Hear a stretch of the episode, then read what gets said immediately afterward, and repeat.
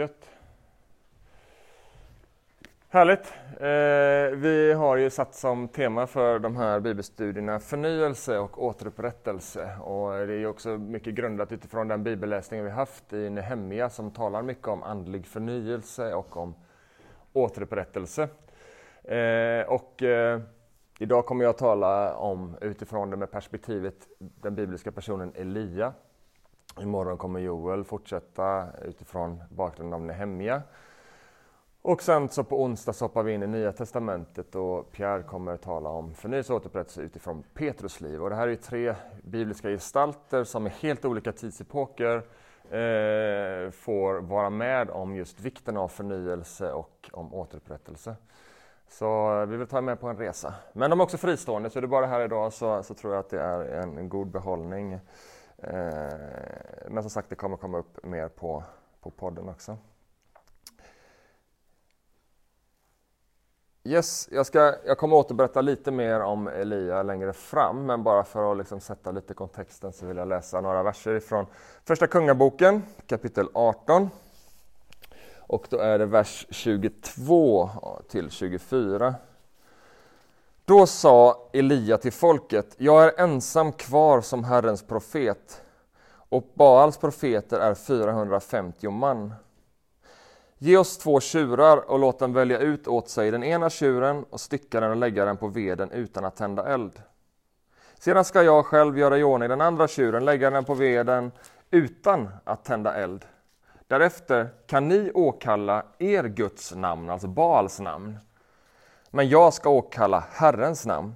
Den Gud som svarar med eld, han är Gud. Allt folket svarade, ditt förslag är bra.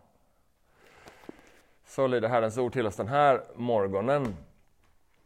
Och eh, som sagt, temat är förnyelse och återupprättelse. Och det här är ett verk som, som genom hela den bibliska historien, egentligen ända sedan syndafallet, så har Gud varit i businessen av att återupprätta sin skapelse, att ställa saker till rätta igen.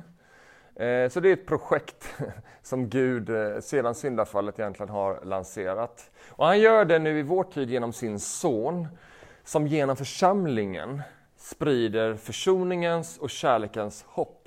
Så vi som församling har blivit involverade i Guds process av förnyelse och återupprättelse. Så vi är som agenter, ibland pratar man om, för Guds återupprättelse i världen. Så återupprättandet, återställandet till någonting som Gud har tänkt. Men, och vi ser det så tydligt, inte minst när vi har läst Nehemja, men när vi läser genom Gamla Testamentet men också Nya Testamentet så ser vi hur lätt det är att tappa fokus från denna kallelse som Gud har gett oss. Att återupprätta sin skapelse. Så därför så arbetar Gud med vad man kan kalla för förnyelse av sitt folk andlig förnyelse. Förnyelse det är liksom perioder av andligt uppvaknande. Och ibland går det här i hand, ganska ofta går det hand i hand med eh, processer som sker i världen. Olika liksom perioder. Och nu är vi i en sån pandemi. Tittar man historiskt sett så har den typen av kriser lett fram till ett uppvaknande hos, hos Guds folk, en form av förnyelse. Ibland hänger det inte samman alls med samhällsskeenden på det sättet, utan det är människor som bara väcks av en längtan att få uppleva mer av Gud och Guds närvaro. Man söker sig till varandra och till bön. En liten grupp som söker Guds beröring och så kommer Gud och förnya sitt folk. Så förnyelse återför oss in i den här primära kallelsen av att vara agenter för Guds återupprättelse i världen. Förnyelse det liksom förändrar våra prioriteringar och riktar om våra prioriteringar så att Gud får komma först. Det kanske är det första som händer när vi liksom är på andlig tillbakagång är att Gud trillar ner och vi börjar hamna i någon form av prioriteringslista där vi prioriterar andra saker först. Men Gud vill inte ens vara en sak på vår prioriteringslista. Jag tror att så fort vi börjar tänka i de banorna så har vi hamnat fel. Gud vill vara vårt liv.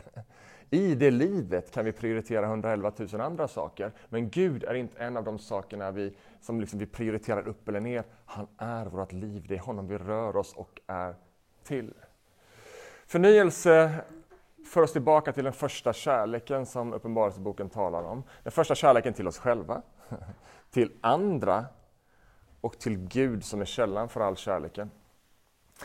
Idag vill jag lyfta fram ett mönster som framträder i Bibeln och genom kyrkans historia när det kommer till förnyelse, men när det kommer till hur Gud verkar i allmänhet i världen. Och den här principen som jag, liksom jag tycker har vuxit på mig den här, den här liksom sommaren, är att Gud verkar i världen genom att använda en minoritet för att påverka en majoritet. Gud verkar nästan alltid följa detta mönstret i hur han verkar i världen, att han utväljer en minoritet för att påverka en majoritet. Det finns så många exempel i Bibeln och i samtida historia. Men bara för att plocka några så har vi Mose och Aron till exempel när det gäller befrielsen från Egypten. Två stycken som upplever en beröring, ett tilltal från Gud och de får leda fram till befrielsen av ett helt folk. Vi pratar om flera miljoner människor. Mose klev fram och talade inför liksom eh, farao. En minoritet som fick konsekvenser för en majoritet. Vi har en annan berättelse som är Gideon, en stridsman.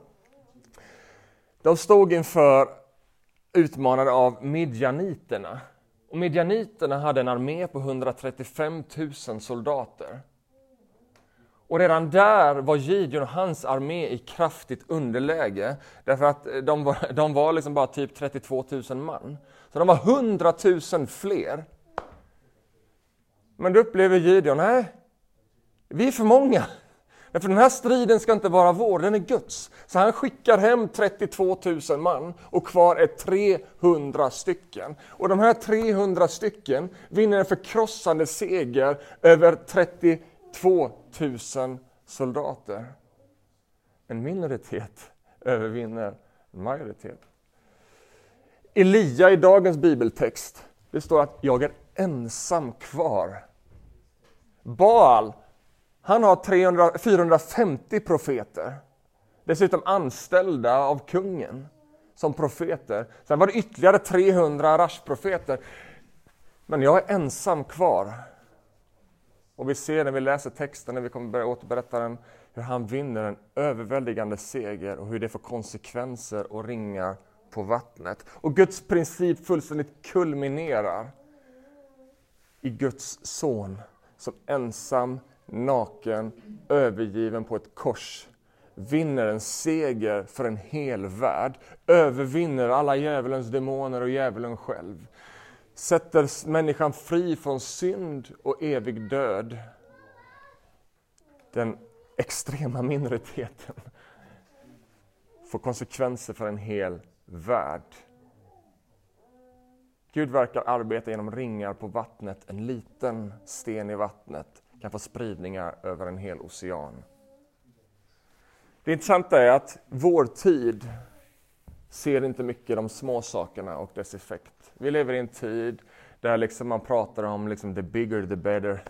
Det större desto bättre. Det är mer pompöst det kan vara, desto liksom bättre är det. Och det där har spillt över också in i kyrkans värld, inte minst de sista 20-30 åren. Så har vi levt i, i en tid där också kyrkan har blivit besjälad av ju större desto bättre. Du kan titta, gå in och surfa in på Stora kyrkors hemsidor och så ser du deras visioner. Så är det en formulering som ganska ofta återkommer. Vi ska bli så stora så att vi inte kan ignoreras en populär visionsformulering inom stora kyrkor som har varit de sista 20-30 åren. Vi ska vara så stora, vi ska bli så stora så att vi tas på allvar.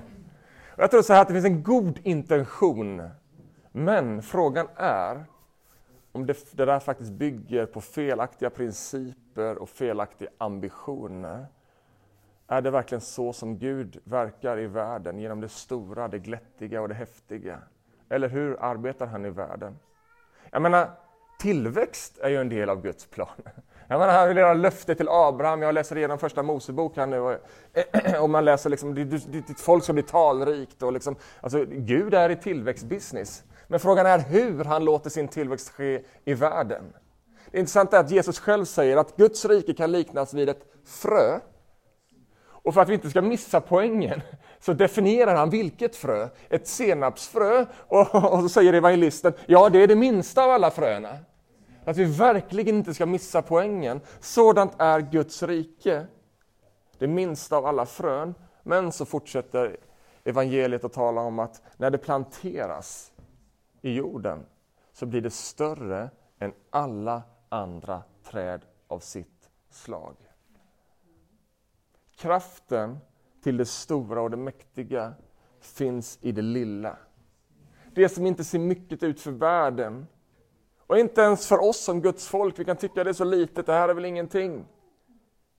Till synes på ytan litet, oansenligt, men med en otrolig potential. Sådant är fröet, sådant är Guds rike, Guds verk i oss som tror. Vi kan lätt tvivla när vi ser på oss själva. Vi kan lätt tvivla när vi ser på vårt sammanhang. Vi kan lätt tvivla när vi ser till och med på den större kristenheten. Men kraften och potentialen i Guds verk i världen är enormt.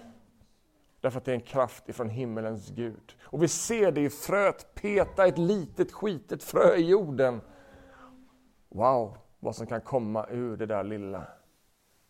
En liten kyrka. En enskild kristen.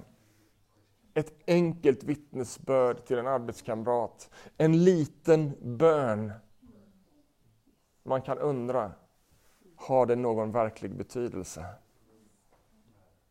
Placerat i Guds jordmån så kan det lilla få enorma ringar på vattnet. Och jag blev påmind om det när jag stod och tittade ner i min mormors grav efter jordfästningen och så tänkte jag, det bara kom till mig, tänk vilket legacy, tänk vilket arv hon har lämnat efter sig. Min mormor var en bonde i en liten bondby i Småland. Ja, men, det är liksom ingenting. På ytan så ser det liksom ingen som bryr sig.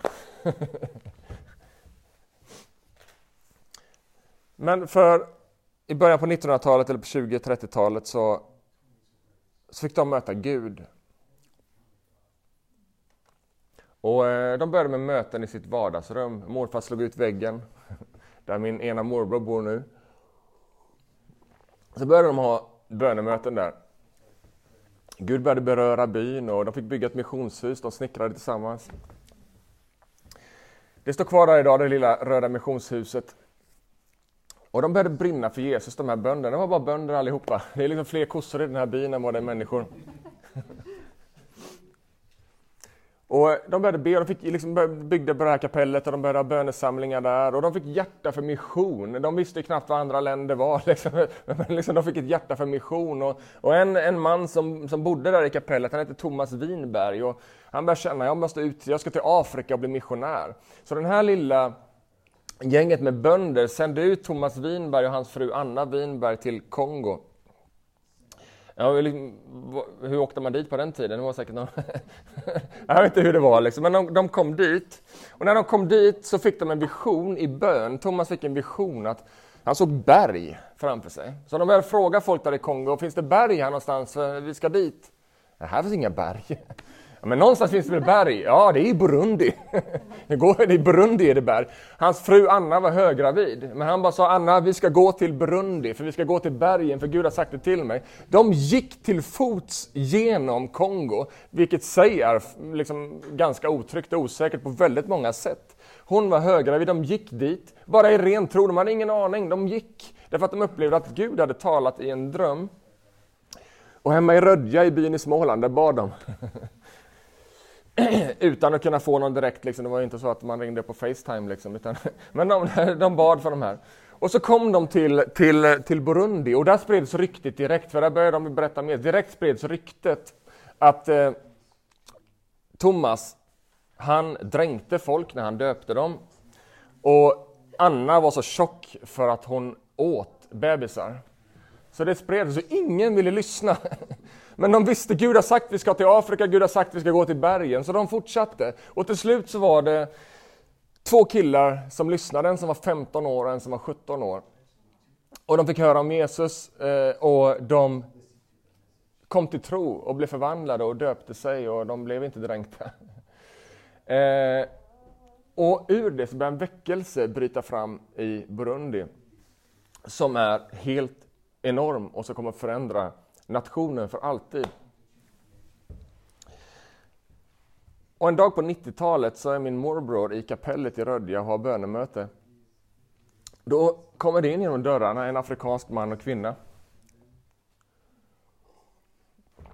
Och de går fram, längst fram, och så böjer de knä. Och börjar tillbe.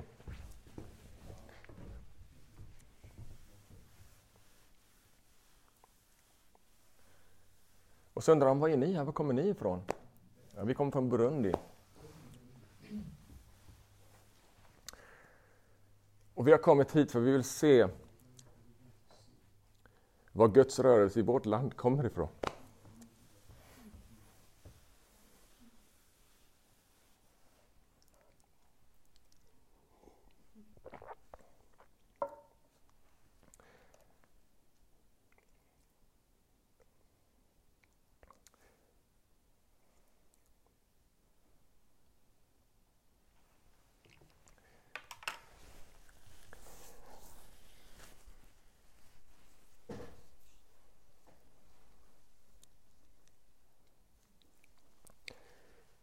Då visade det sig att den här killen som var där, eller mannen, han var gammal nu, till och med riktigt gammal. Han var Abednego Madengo. Den 15-åriga killen som kom till tro. Först i Burundi. Och nu så ledde han en kyrka med 135 000 medlemmar. Jag läste nu på vägen, eller innan jag förberedde det här så läste jag nu, nu är den över 230 000 medlemmar i den här byn i Kiremba i Burundi. Och han är med och leder, ledde ett samfund som har flera miljoner medlemmar. En liten bondby. I djupaste Småland. Det kan väl inte ha någon betydelse. Det såg inte mycket ut. Några bönder. Men med Guds frö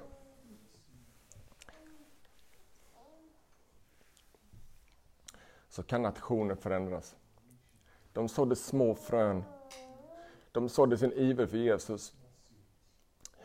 Och jag tror knappt ens många av dem fick se den här stora frukten infrias.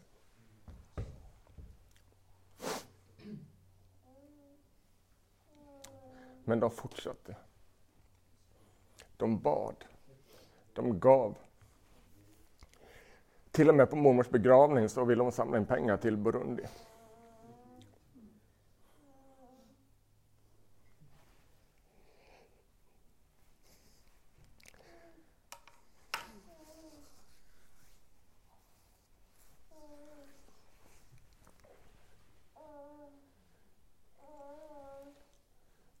Kaffe när man blir tårögd.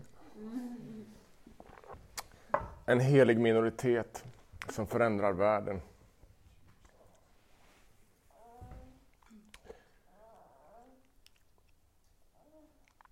Paulus säger i Första Korinthierbrevet 1 och 28. Det som har låg status, som världen ser ner på. Det som inte är något, det utvalde Gud. Tillbaka till stora visioner och glättiga pamfletter. Gud är inte särskilt imponerad. Men han ser till hjärtan. Han använder det lilla, en helig minoritet, för att skriva sin historia i världen. Och jag har tänkt på oss. Ser inte mycket ut, men med Guds frö.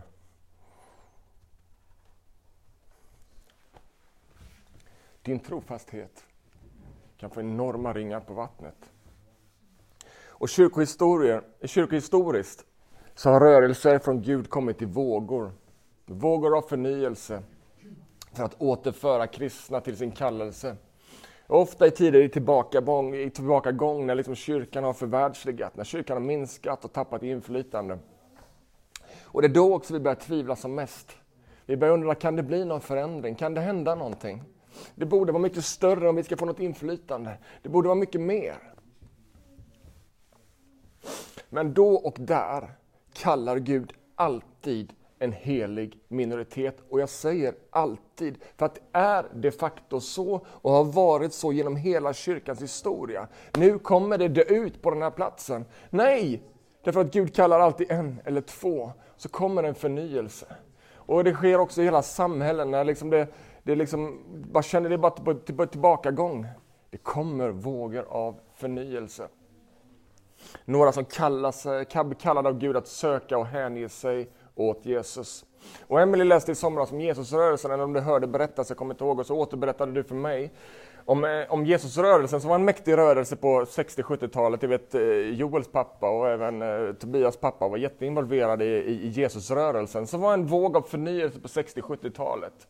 Och ibland tänker man så att vi lever i utmanande tider. Det är liksom eh, ifrågasätts så mycket av, liksom, eh, av, av, Guds tankar i världen. Man ifrågasätter liksom hela, hela genderperspektivet idag. Liksom, där man ska, finns det ens man och kvinna och liksom, föds man inte neutral? Och, alltså, alltså, det är så mycket av det som Gud har liksom, skapat i världen som ifrågasätts. Som man tänker det är så illa idag, så hur liksom, ska det kunna ske någonting av Guds verk i världen? Men man tittar tillbaka, ibland behöver man titta tillbaka för att se att vi inte är den första generationen som utmanas av samhällsandan. Och menar, tänk, menar, jag tror inte ens vi kan sätta oss in i den liberala vågen som kom eh, med flower power-rörelsen och det var mycket större än det. Och hela den sexuella revolten, liksom revolutionen i samhället. Där liksom det var en revolt mot alla normer. Droger liberaliserades. Det var liksom, vi tycker det är mycket idag, ja men det var mycket då också. Det var, liksom på ett, det var verkligen utbrett. Och man ifrågasatte allt som kyrkan stod för. Och där stod den traditionella kyrkan och hade inte mycket att komma med, för man hade, liksom först, man hade stelnat och man hade liksom säckat ihop sig. Men då kommer liksom en, en, en förnyelse liksom över kristna och det liksom spred sig väckelse på stränder började det liksom och man samlade tusentals och det kom en våg som sen spred sig ut över världen av kristna hippies som liksom fick göra en skillnad. och det blev en förnyelse och, och, och liksom Guds verk skedde och jättemånga människor kom till tro.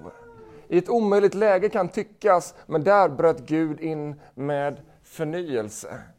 Det var säkert några galna hippies, en liten minoritet i början, som satte igång och man undrar vad håller de på med? Men när Gud är med så kan mycket ske. Och så här har det sett så med det vill jag egentligen uppmuntra dig att frakta inte din betydelse, frakta inte små kyrkor. Se inte liksom som att det är ett oöverstigligt berg, Gud kan inte göra något i vår tid. Utan se att Gud kan göra mäktiga saker i vår tid, genom vår trofasthet, genom vår hängivenhet, genom att vi inte ger upp genom att vi inte säckar ihop när vi tycker att nu är det väl ute. Ja, men jag, liksom, det, vi låter tvivel kvävas. Nej, låt oss vända oss till Gud istället och se att mycket kan ske. Och faktum om vi tittar på oss som en mindre kyrka, så är det så faktiskt att den största tillväxten i Guds rike i världen sker genom små kyrkor. Faktum är också att det är nyplanteringar, alltså nya kyrkor, som är de som växer. Det är bara 20 procent av stora kyrkor som växer. Men 100 procent av nyplanterade kyrkor växer, säger kyrkoforskarna. Din överlåtelse, din hängivenhet men också din brustenhet i Guds händer kan ha enorm betydelse. Dina fem bröd och två fiskar kommer få konsekvenser när du ger dem till Jesus. Och här har vi Elia. Det är ett klockrent exempel på det som jag vill lite belysa här idag. En profet, alla andra har fallit i princip. Alla har gett upp. Och tittar vi in i det historiska perspektivet, vi hade en serie om kung David här i, i våras. Jag menar, kung David hade under sin tid förenat Israels folk till en nation, Israel ett rike, ett rike under Gud. Ett rike där tillbedjan och hängivenhet var i centrum. Och David lämnar över ett mäktigt rike till sin son Salomon. Och det börjar bra. Salomon börjar också bra, han söker vishet från Gud och Gud är med honom. Men i sin framgång, och det händer så lätt, att man går vilse i framgången. Det är vad Salomon gör. Det går bra nu. och han går vilse. Omvärldens tankar och influenser, omvärldens tro och liksom ideologier får greppet om Salomo och han börjar gå vilse bort ifrån Guds vägar. Världens tankar tar över. Och det går så långt kan man tycka, inte, men liksom, han till och med börjar bygga avguda, eh, eh plats, offerplatser för att offra åt avgudar. Och riket splittras i två delar. Det som började så bra slutar så dåligt. Och vi har Israel och Juda. Och avgudadyrkan tilltar och man tillber gjutna kalvar och man etablerar Baalsdyrkan. Avgudadyrkan tar plats i centrum i riket istället för gudstillbedjan. Här kallar Gud Elia. Det finns andra som fruktar Gud. Vi läser om Obadja. Obad ja, den mest förvånade profeten brukar man säga. Ursäkta pastorsskämtet. Men det händer inte mycket förrän Elia kliver fram och frimodigt går Guds ärenden. Landet är framme vid total andlig konkurs. Det är liksom botten är nådd. Det kan inte bli värre. Kung Ahab som nu har tagit över och drottning Jezebel vill utrota tillbedjan av den sanne guden, Israels gud. Och Baal skulle ta över. Man vill sätta liksom Baal tillbedjan som det enda gångbara. Och då är det bara en! Men här inne sitter vi 30. Det var en sann gudstillbedjare kvar som vågar vara öppen med sin tro och våga ta striden mot avgudadyrkan. Man kan tänka när man läser det här, jag kan tänka att, de, att Elia tänkte så också. Ska sann gudstillbedjan gå i graven med mig? Ska liksom Guds verk i världen liksom gå i graven med Elia? Nej, Gud kommer aldrig låta något sådant ske. Det är en omöjlighet att kväva Guds rike. Det är faktiskt för ständig framväxt och frammarsch i världen därför att Gud är i kontroll. Men man kan undra när man står där mitt i sin, liksom, kommer det liksom, vad kommer att hända? Jag tror Elias ställde sig den frågan, men Gud får alltid sin plan igenom, genom en helig minoritet. Få för de många. Och Elia han har ropat till Gud, vad ska vi göra? Och Gud har hört Elias rop kan vi läsa. Och Elias namn, och det vet Ulysses och Karolina för de har en son som heter Eliel, som är liksom samma namn. Elia vars namn betyder Herren är min Gud. som bara han gör skäl för sitt namn. Herren är min Gud, han kliver fram. Han visste, det finns ingen annan Gud förutom min Gud som har, som har makt att rädda och befria. Det finns ingen annan Gud som står för nåd och sanning. Det finns ingen annan Gud som har makt över allt. Det finns ingen annan Gud som kan återupprätta skapelsen till det som den är tänkt. Elia var långt ifrån en fullkomlig man. Ibland så, liksom, så vad heter vi, förskönar vi liksom de här bibliska figurerna. Elia var ingen figur att försköna på det sättet. Vi läser om hur han brottades med depression och tvivel. Han brottades över sin förmåga. Men han var ändå använd av Gud. Och det vill jag säga till dig, du som brottas. Din kamp mot depressioner och mot alla andra utmaningar, de diskvalificerar inte dig från att bli använd av Gud. Utan Gud använder brustna kärl, så var öppen och tillgänglig. Så i en tid av kris med utbredd avgudadyrkan så kliver Elia fram. Och han kliver fram inför folket och inför kungen och, och så säger, står det så här i, i det vi redan läst egentligen. Men där stod Elia upp och talade till hela folket. Hur länge ska ni fortsätta att vingla? Säger han till folket. Hur länge ska ni vingla mellan olika åsikter? Om Herren är Gud, följ då honom. Men om Baal är Gud, då ska ni naturligtvis följa honom. Så låt oss se vem som nu är Gud. Jag är den enda av Herrens profet som finns kvar. Men Baal har 450 profeter, fortsatte Elia. Den enda som är kvar.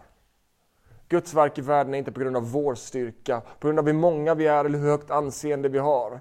Icke genom någon människas styrka ska det ske, utan genom min ande, säger Herren Sebaot, läser vi i Sakarja. Har vi Guds ande så har vi allt vi behöver.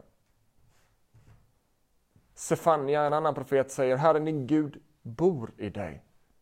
En hjälte som kan frälsa. Pierre var inne på det igår kväll. Jesus bor i oss, i vårt hjärta, i vår insida. Med Gud på, på vår insida så är det den svage som är stark. Du är en minoritet alltid en majoritet med hela himmelens här på vår sida. Med detta i ryggen så visste Elia. Han klev fram och riskerade allt. Folket är dags att välja. Ska vi tillbe världens avgudar? Ska vi följa världens ideologier? Ska vi följa världens berättelse om människan? Eller ska vi följa Herren Gud? Så säger han, skaffa nu framåt oss två tjurar. De får välja en åt sig och jag tar den andra. De får bygga sitt altare och lägga tjuren på veden. Jag ska ropa till min Gud och ni ska ropa till er Gud. Elia låter dem få börja, han är snäll, han är gentleman och säger ni kan börja, varsågoda och bygg. Så de börjar bygga sitt altare på morgonen. De får välja virke, de väljer torrt som fnöske och de ser till så att det är liksom optimala förutsättningar. Sen står det om dem, första Kungaboken 18, vers 26. Baalprofeterna ropade sedan hela förmiddagen på Baal.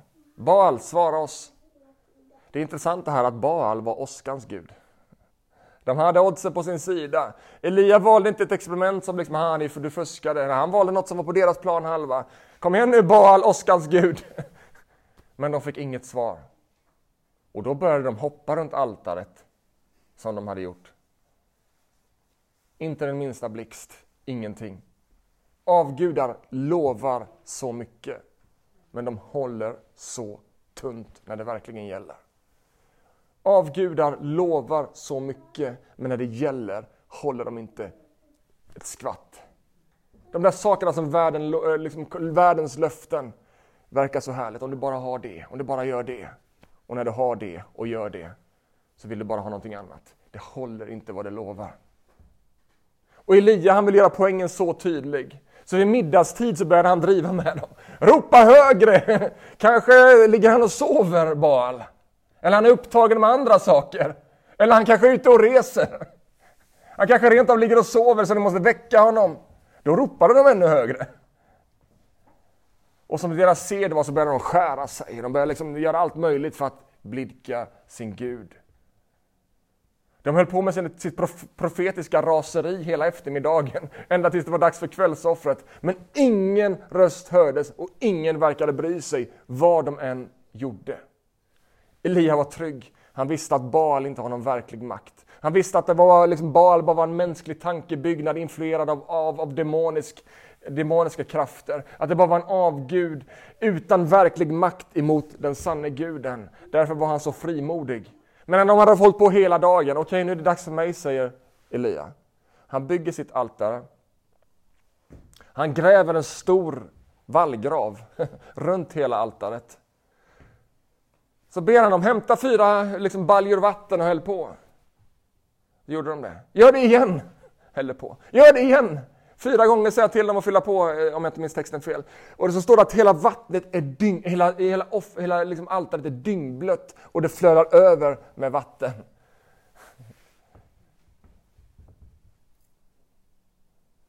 Och enkelt så säger han så här. Låt det idag bli känt att du är Gud i Israel och att jag är din tjänare som har gjort allt detta på din befallning. Herre, svara mig, svara mig så att detta folk förstår att du är Gud och att du vill vända deras hjärtan tillbaka till dig. Då kom en eld ner från himlen, från Herren som brände upp offret, som brände upp veden, stenarna och jorden och till och med torkade upp allt vatten i diket. Och när folket såg vad som hände föll de ner med sina ansikten mot marken och ropade Herren är Gud. Herren är Gud. Genom en yttersta minoritet, en, kom förnyelse. Och detta, om vi fortsätter läsa så ser vi att det här var bara början på en djupare förnyelse, en djupare återupprättelse som Israel behövde. Men det var början på någonting som Gud ville göra i landet. Om vi försöker ta det här in i vår tid, jag ska snart avsluta. Om vi försöker ta det här in i vår tid, in i vår kontext så kan hela det här sammanhanget vara mäktigt och imponerande, men det kan också kännas ganska främmande för oss. Och jag tänker poängen är inte att vi ska gå in i maktdemonstration och liksom bevisa på det sättet. Att vi ska ställa oss på torget och bygga ett altare och nedkalla eld. Jag tror att det här var en unik händelse för en unik situation. Men i en tid av förfall, i en tid där omoral breder ut sig, i en tid där alternativa berättelser breder ut sig om människans ursprung, mening och mål, i en tid där den traditionella kyrkan är på tillbakagång, i en tid där många vill stoppa kristendomen och kalla den för liksom in, intolerant och inskränkt, i en tid där liksom kyrkan ses som liberaliseringens motståndare, i en sån tid, då handlar det inte om styrka och visa upp muskler. I en sån tid handlar det inte om våra metoder och vår förmåga att bygga en attraktiv kyrka som lockar med allt det som världen redan erbjuder, men med kristna förtecken. Men just i en tid som denna så reser Gud upp en helig minoritet. Ett heligt folk. Inte ett fullkomligt folk, men ett heligt folk. Ett folk med sina hjärtan vända med Gud, likt Elia. Gud, vad vill du göra i vår tid? Gud, vad ska vi göra? Men iver för Gud. Jag vet inte hur du känner, du kanske, du kanske upplever att det har gått åt andra hållet för dig personligen. Pandemitider och världens tankesätt har liksom fört dig under tid längre bort från Gud. Tvivel har fått sitt grepp. Otro har liksom börjat skava. Elia talade till ett sådant folk. Det är dags för er att välja sida. Vilket ben ska ni stå på? Jag är övertygad om att det var många bland folket som inte hade köpt Baalskulten men som hade börjat vackla i sin tro på Gud. De hade inte övergett sin tro på Gud eller omfamnat någon ny Gud men de hade börjat svalna och börjat vackla. Men när Elia klev fram så väcktes något i deras hjärtan. En helig minoritet formas av människor med berörda hjärtan. Några få som går före, några få som inspirerar. Inte av egen inspiration, utan med en inspiration från Gud. Och fler inspireras, fler hjärtan börjar brinna. Och när jag läser den här texten om Elia så tänker jag att det är liksom Gud är inte intresserad av offret på altaren. Han är inte heller intresserad av eldet, elden på altaret. Jag tror att för Gud var det här bara en symbol för vad som behövde ske i folkets hjärtan. Det sanna altaret är ditt och mitt hjärta. Det är det som behöver beröras av Guds eld. Det är därför Paulus säger i Romarbrevet 12. Därför uppmanar jag er nu syskon, vid Guds barmhärtighet. Alltså det är med kärlek i rösten som Paulus säger, ge er själva som ett levande och heligt offer till Gud, till hans behag. Det ska vara er andliga gudstjänst. Anpassa er inte efter denna världens ideologier, tankesätt och idéer. Utan låt er istället förändra ert sätt att tänka och förnyas i ert sinne. Det är vad andlig förnyelse handlar om. Är du inte där du önskar vara, då bjuder Gud dig i sin barmhärtighet att frambära dig själv inför honom och låta dig förnyas av honom och fyllas av hans kärlek till Gud och människor. Älskar Elias bön. Herre, svara mig, svara mig, så att detta folk förstår att du är Gud och att du vill vända deras hjärtan tillbaka till dig. Kristendom är hjärtats religion. Den heliga Ande vill sätta hjärtat hjärtan i brand för Jesus. Hjärtan som brinner för Gud och för människor. Elia var inte ute efter ett coolt mirakel, utan han var ute efter, märker vi bönen, att folkets hjärtan skulle vända tillbaka till Gud. Sen leder inte det här fram till en sån djupgående förändring av Israel som Elia hade tänkt. Och när vi läser vidare, jag vill bara kort avsluta med det, för jag tror att det är viktigt också. Elia, han, han liksom tänkte nu måste väl hela folket här bara direkt liksom börja följa Gud och det var wow! Men det blev inte riktigt så. Kanske är det för att Elias såg med fel ögon. Han såg inte med ringar på vattnet perspektivet. Att det här var en sten som satte saker liksom i, i rullning.